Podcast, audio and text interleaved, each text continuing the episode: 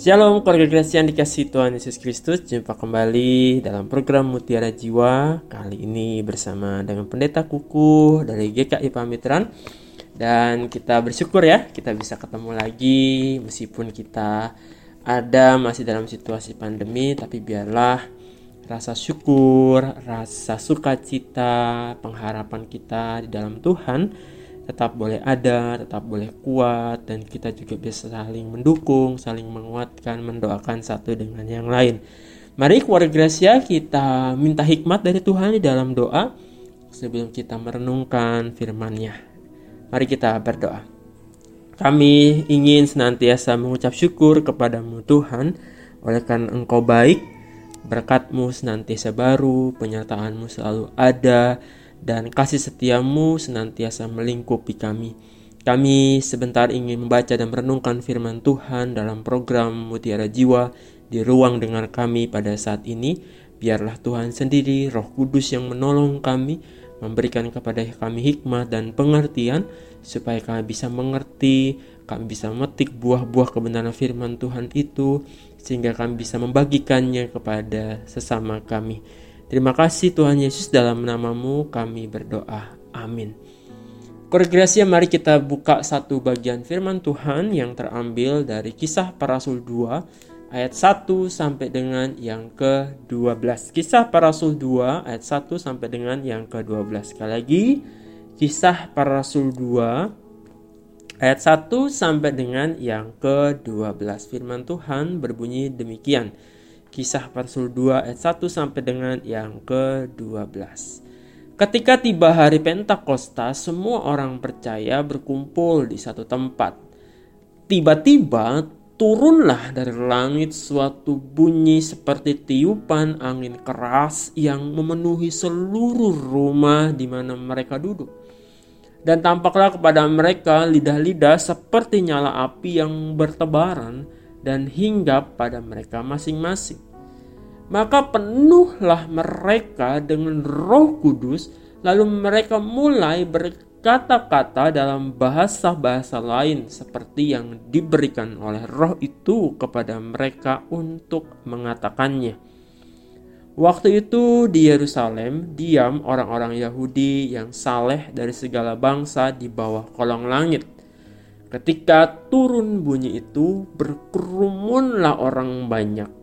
Mereka bingung karena mereka masing-masing mendengar rasul-rasul itu berkata-kata dalam bahasa mereka sendiri. Mereka semua tercengang-cengang dan heran.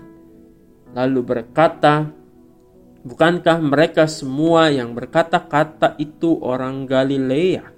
Bagaimana mungkin kita masing-masing mendengar mereka berkata-kata dalam bahasa kita sendiri, yaitu bahasa yang kita pakai di negeri asal kita?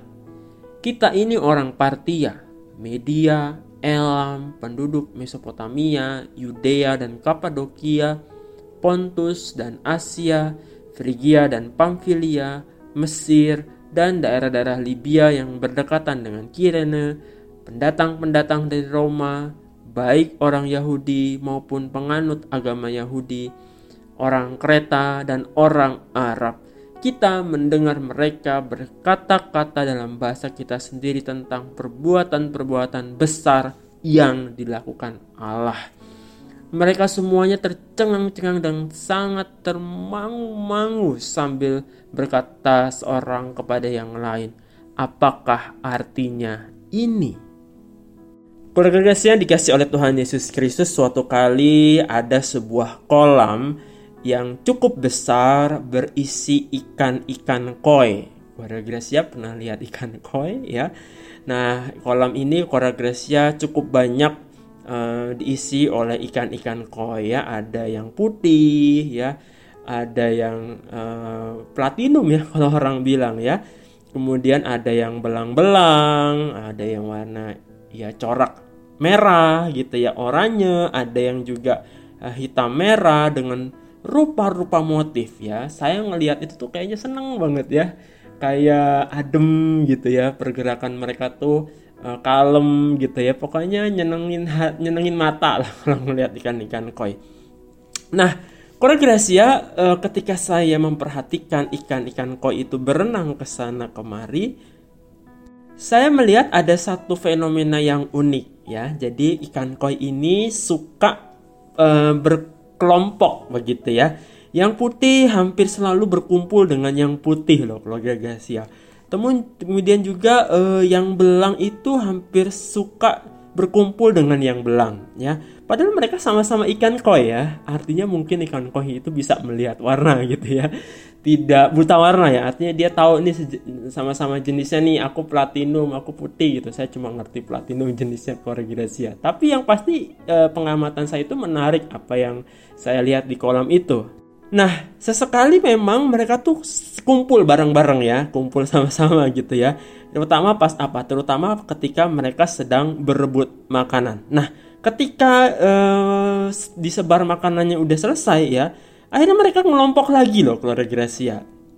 Dalam hati saya kemudian berpikir ya apakah ini sekedar insting ya insting hewan di mana yang sama ngumpul sama yang sama begitu ya. Atau jangan-jangan di dalam dunia ikan gitu ya ini mirip juga dengan dunia manusia di mana manusia tuh ya mesti jujur ya kita kadang-kadang kita itu suka mengkotak-kotakan ya berdasarkan uh, misalkan warna kulit, ras, ya golongan dan sebagainya atau juga mungkin uh, status sosial kita ya di masyarakat kita ngumpul dengan orang yang berpunya saja atau kita ngumpul dengan orang-orang yang middle class saja dan lain sebagainya. Oh iya, Gracia, saya juga lupa ketika memperhatikan ikan koi itu di dalam kolam ya. Rupanya ada dua ekor ikan mas kecil. Sekali lagi ada dua ekor ikan mas kecil di kolam itu ya. Berwarna hitam, berbintik kuning dan putih ya. Sekali lagi ada dua ekor ikan mas kecil yang warnanya hitam, kuning dan putih. Sungguh kontras ya keduanya uh, ukurannya kecil gitu ya Kemudian ya agak jelek sih sebenarnya dibandingkan ikan-ikan koi yang warna cakep-cakep tadi ya. Nah yang menarik Gracia tidak ada ikan koi yang mau mendekati kedua ekor ikan mas kecil ini yang jelek ini ya kalau misalkan kedua ikan mas ini mencoba untuk mendekati kelompok ikan koi gitu ya, ikan koi ini uh, segera menghindar loh keluar Gracia. Sehingga kedua ikan mas kecil ini seperti terasing gitu ya di tengah lingkungannya sendiri.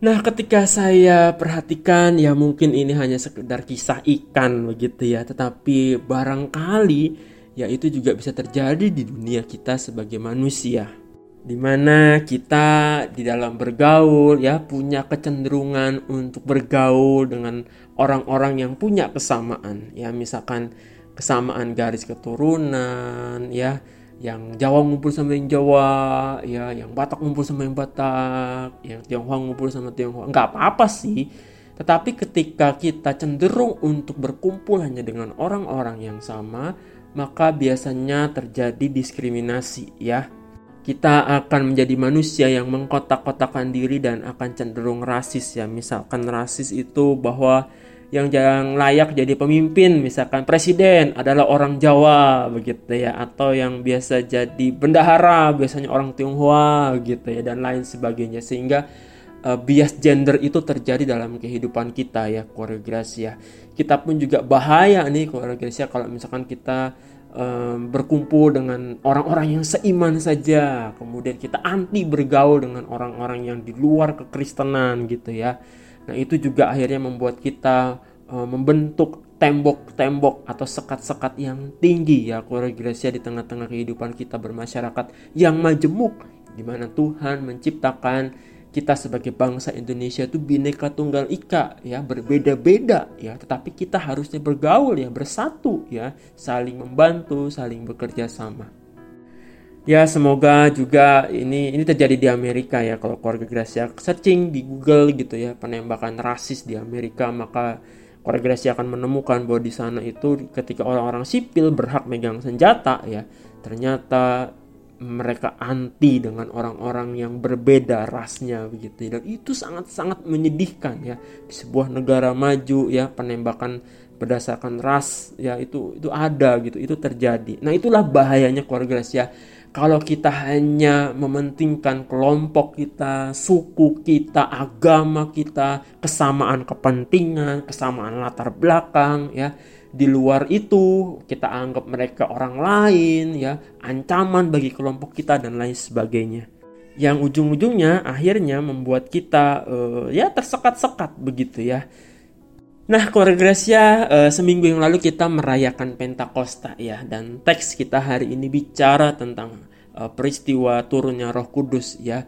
Ketika itu tiba hari Pentakosta di ayat 1 ya, keluarga kita perhatikan semua orang percaya berkumpul di satu tempat ya. Kalau kita lihat ayat-ayat uh, yang di sesudahnya Orang percaya di sini bukan hanya orang Yahudi, tetapi banyak suku gitu ya, banyak etnis ternyata juga yang datang ke sana ya, bukan hanya orang Yahudi tapi juga penganut agama Yahudi. Pertanyaannya kemudian adalah kenapa di ayat 1 di situ dikatakan ketika tiba hari Pentakosta semua orang berkumpul di satu tempat yaitu di Yerusalem. Nah, kenapa orang-orang e, pergi ke Yerusalem ya, Gracia?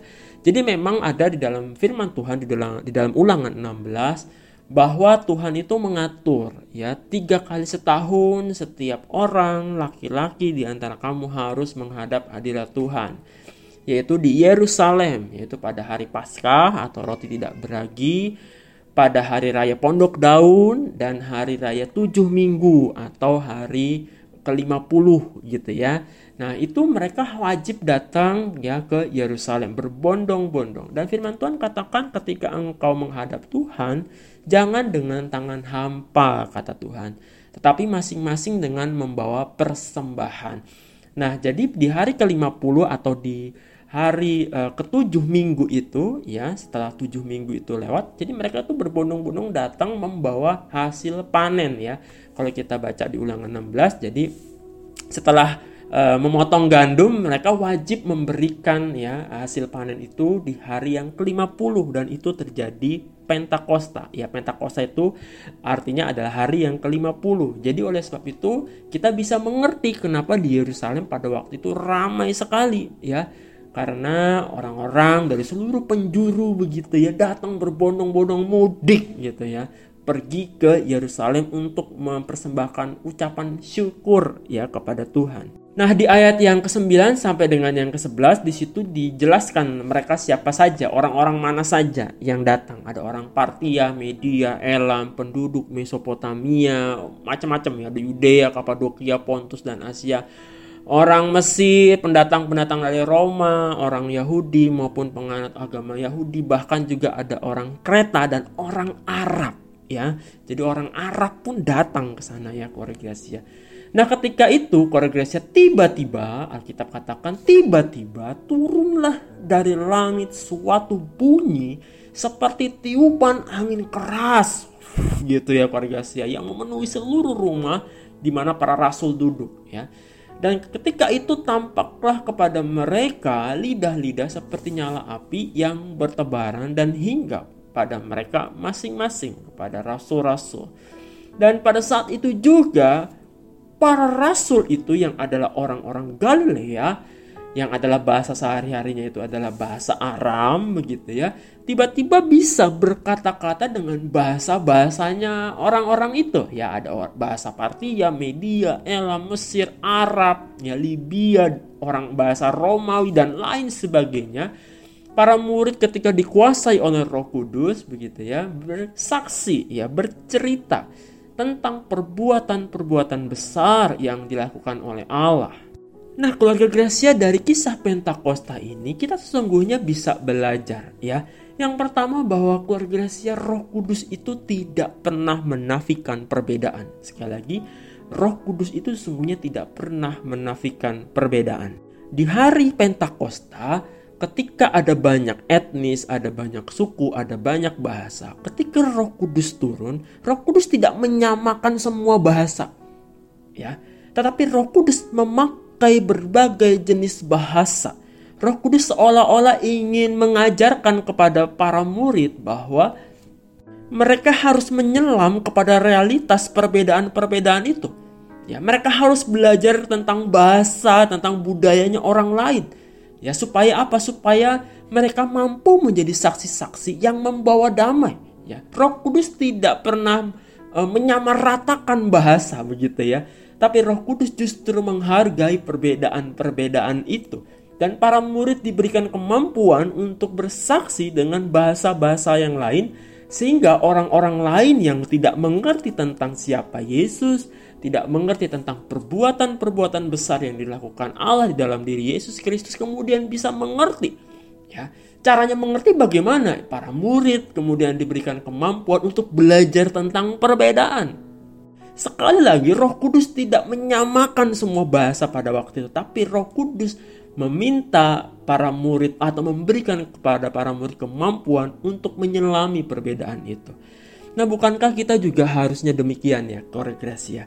Kita bisa bersaksi tentang perbuatan-perbuatan Allah kalau kita pertama-tama menghargai perbedaan itu. Atau syukur-syukur kita mampu untuk menyelami yang berbeda itu dengan kita entah kita mau belajar bahasanya gitu atau entah kita belajar budayanya atau kita juga belajar agamanya sejenak kemudian kita bisa mengerti dan akhirnya kita juga bisa berbincang-bincang. Nah, keluarga Gracia dalam teori agama dialog agama-agama ya sebuah dialog antar umat beragama itu tidak akan bisa terjadi kalau misalkan kita merasa lebih tinggi dari yang lain ya. Atau kita merasa uh, orang lain itu lebih tinggi dan kita direndahkan. Tidak. Dialog antar umat beragama itu bisa terjadi kalau kita menghargai perbedaan. Kita merasa diri sama dengan yang lain. Dan orang lain pun merasa diri derajatnya sama dengan kita. Kalau kita bisa saling menghargai begitu ya menganggap perbedaan itu ada untuk bisa diselami, untuk bisa disyukuri, untuk kita bisa menarik benang merah, ya um, persamaan-persamaan kerjasama yang bisa kita lakukan demi kemaslahatan umat manusia itu suatu hal yang baik, ya titik perdamaian itu ada di situ keluarga Gracia. Seorang teolog uh, Swiss, teolog Katolik bernama Hans Kung ya pernah mengatakan bahwa tidak ada perdamaian di antara bangsa-bangsa tanpa perdamaian di antara agama-agama. Tidak ada perdamaian antar agama tanpa dialog antar agama dan tidak ada dialog antar agama tanpa penyelidikan tentang uh, perbedaan agama-agama itu. Nah, jadi keluarga Gracia dari peristiwa Pentakosta kita bisa belajar bahwa perbedaan ada itu bukan untuk memicu kerusuhan. Perbedaan ada itu bukan untuk memicu pertengkaran. Apalagi perbedaan ada ada itu bukan untuk uh, memicu peperangan gitu ya atau saling membantai satu dengan yang lain ya itu tentu bukan keadaan uh, damai ya yang diinginkan oleh Roh Kudus. Poin yang kedua yang kita bisa petik adalah saya pernah membaca satu buku yang ditulis oleh pendeta Yohanes Bambang Mulyono judulnya merayakan peristiwa Mesias.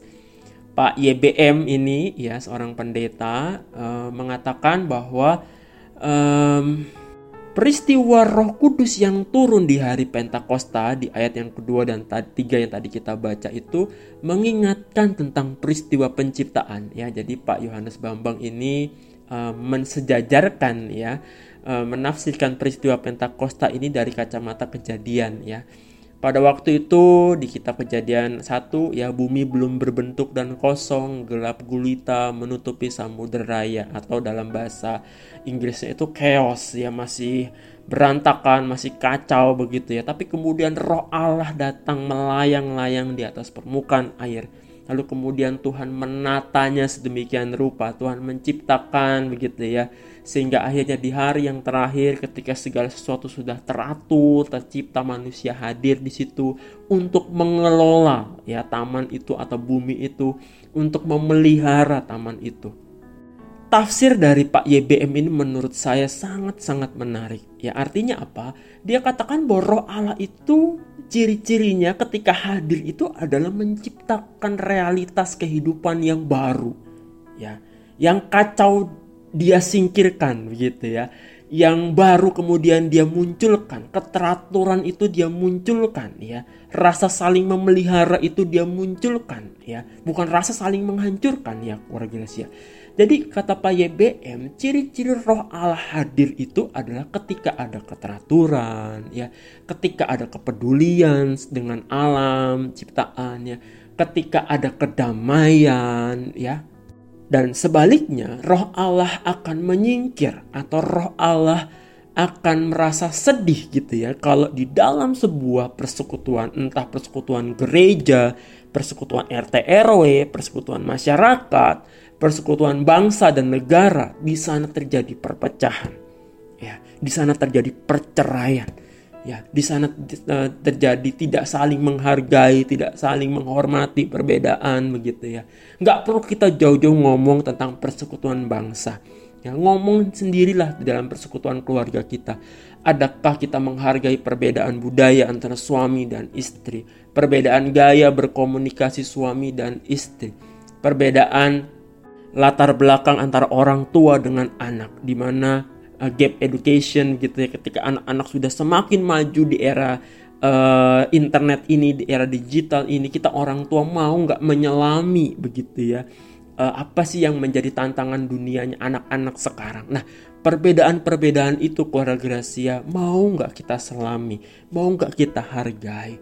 Nah kalau misalkan kita mau menghargai perbedaan-perbedaan itu begitu ya maka rumah tangga kita akan menjadi rumah tangga yang komunikatif ya ketika kita tidak merasa lebih tinggi tapi kita mau menyelami anak dunianya anak-anak suami mau menghargai mau mengerti istri begitu begitu juga sebaliknya maka di sanalah ada Roh Kudus roh yang membawa kedamaian.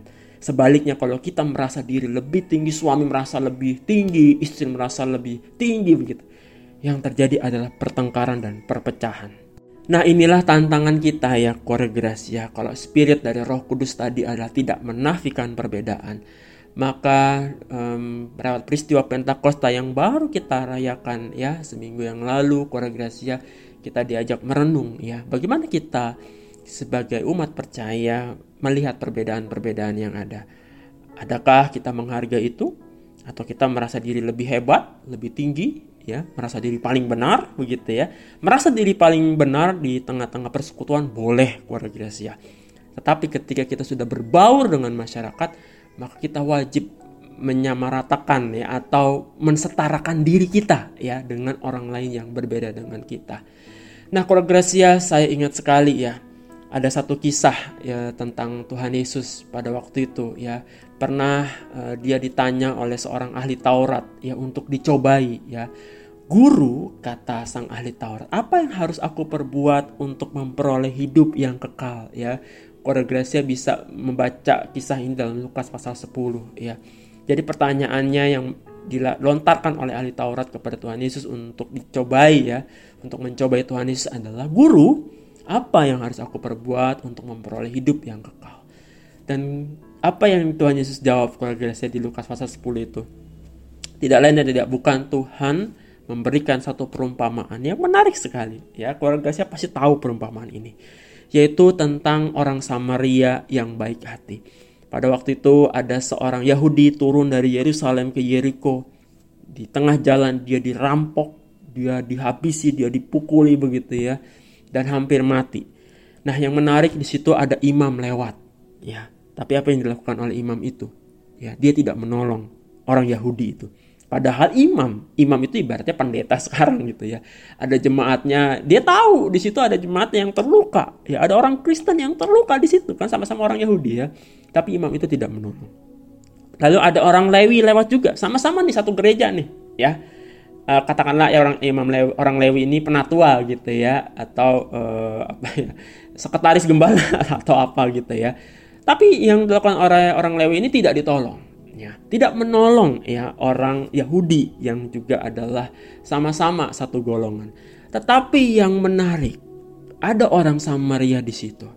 Ya, keluarga saya tahu siapa itu orang Samaria. Orang Samaria itu adalah orang yang dimusuhi. Ya, oh yang dianggap kafir oleh orang Yahudi karena mereka punya tempat penyembahan yang berbeda. Padahal orang Samaria ini sebenarnya juga sama-sama orang Israel kemudian yang kemudian mereka melakukan kawin campur begitu ya. Nah, di tengah-tengah uh, orang Yahudi tidak mau bergaul dengan orang Samaria, justru orang Samaria inilah yang tidak mempedulikan perbedaan-perbedaan itu, yang tidak uh, mempedulikan sekat-sekat yang dibuat oleh orang Yahudi kepada orang Samaria. Yang dilakukan orang Samaria ketika melihat sesamanya menderita adalah dia menggerakkan rasa kemanusiaannya, rasa belas kasihannya, bela rasanya untuk menolong orang Yahudi itu. Dia tidak peduli orang itu orang mana, meskipun mungkin dia tahu bahwa ini adalah orang Yahudi, mungkin gaya uh, apa ya jenggotnya atau gaya uh, hairstylenya gitu, dia tahu bahwa ini orang Yahudi. Tapi I don't care, aku nggak peduli ya mau kamu orang Yahudi tetapi ketika kamu menderita maka aku wajib menolong kamu. Nah keluarga Gracia di tengah-tengah dunia yang semakin tersegregasi ya yang semakin terpisah-pisah yang semakin tersekat-sekat yang an yang sangat anti dengan perbedaan ya. Yesus katakan kalau kamu masuk ke kerajaan sorga gitu ya perbuatlah seperti orang Samaria yang baik hati ini. Ya Ketika kita mau menolong, ya nggak perlu kita tanya atau pandang agamanya, status sosialnya, latar belakangnya, sukunya, dan lain sebagainya. Sehingga kalau kita punya sikap saling menghargai demikian, ketika kita mengasihi, kita mengasihi semua orang, ya bukan hanya orang-orang yang sama dengan kita. Baik keluarga Gracia, demikianlah spirit Pentakosta yang masih saya ingin uh, dengungkan ya di tengah-tengah kita uh, baru saja ya merayakan hari Pentakosta. Kiranya firman Tuhan hari ini boleh menjadi berkat, boleh menjadi rema untuk kita semua. Karena kita harus bersyukur kita ditempatkan Tuhan di negeri yang kaya dengan budaya, kaya dengan uh, bahasa ya, kaya juga dengan perbedaan keyakinan dan agama. Biarlah kita di tengah-tengah perbedaan ini mampu untuk membawa damai. Mari kita satu hati dalam doa. Kami bersyukur kepadamu Tuhan. Kami bisa belajar satu bagian firman Tuhan tentang spirit hadirnya roh kudus. Biarlah kehadiran kami sama seperti kehadiran roh kudus yang mampu untuk menghargai perbedaan, membawa damai, membawa keteraturan. Biarlah kedamaian itu juga hadir di tengah-tengah keluarga kami. Biarlah kedamaian itu juga hadir di tengah-tengah gereja kami dan biarlah kedamaian itu juga hadir di tengah-tengah bangsa dan negara kami. Terima kasih Bapa dalam nama Tuhan Yesus kami berdoa. Amin. Baik keluarga saya sampai di sini perjumpaan kita di Mutiara Jiwa. Saya Pendeta Kuku Haji Irianda dari GKI Pamitran mau undur diri. Sampai bertemu, sehat-sehat selalu, salam semangat untuk kita semua. Tetap jaga protokol kesehatan ya. Sampai jumpa lagi, Tuhan Yesus memberkati. Amin.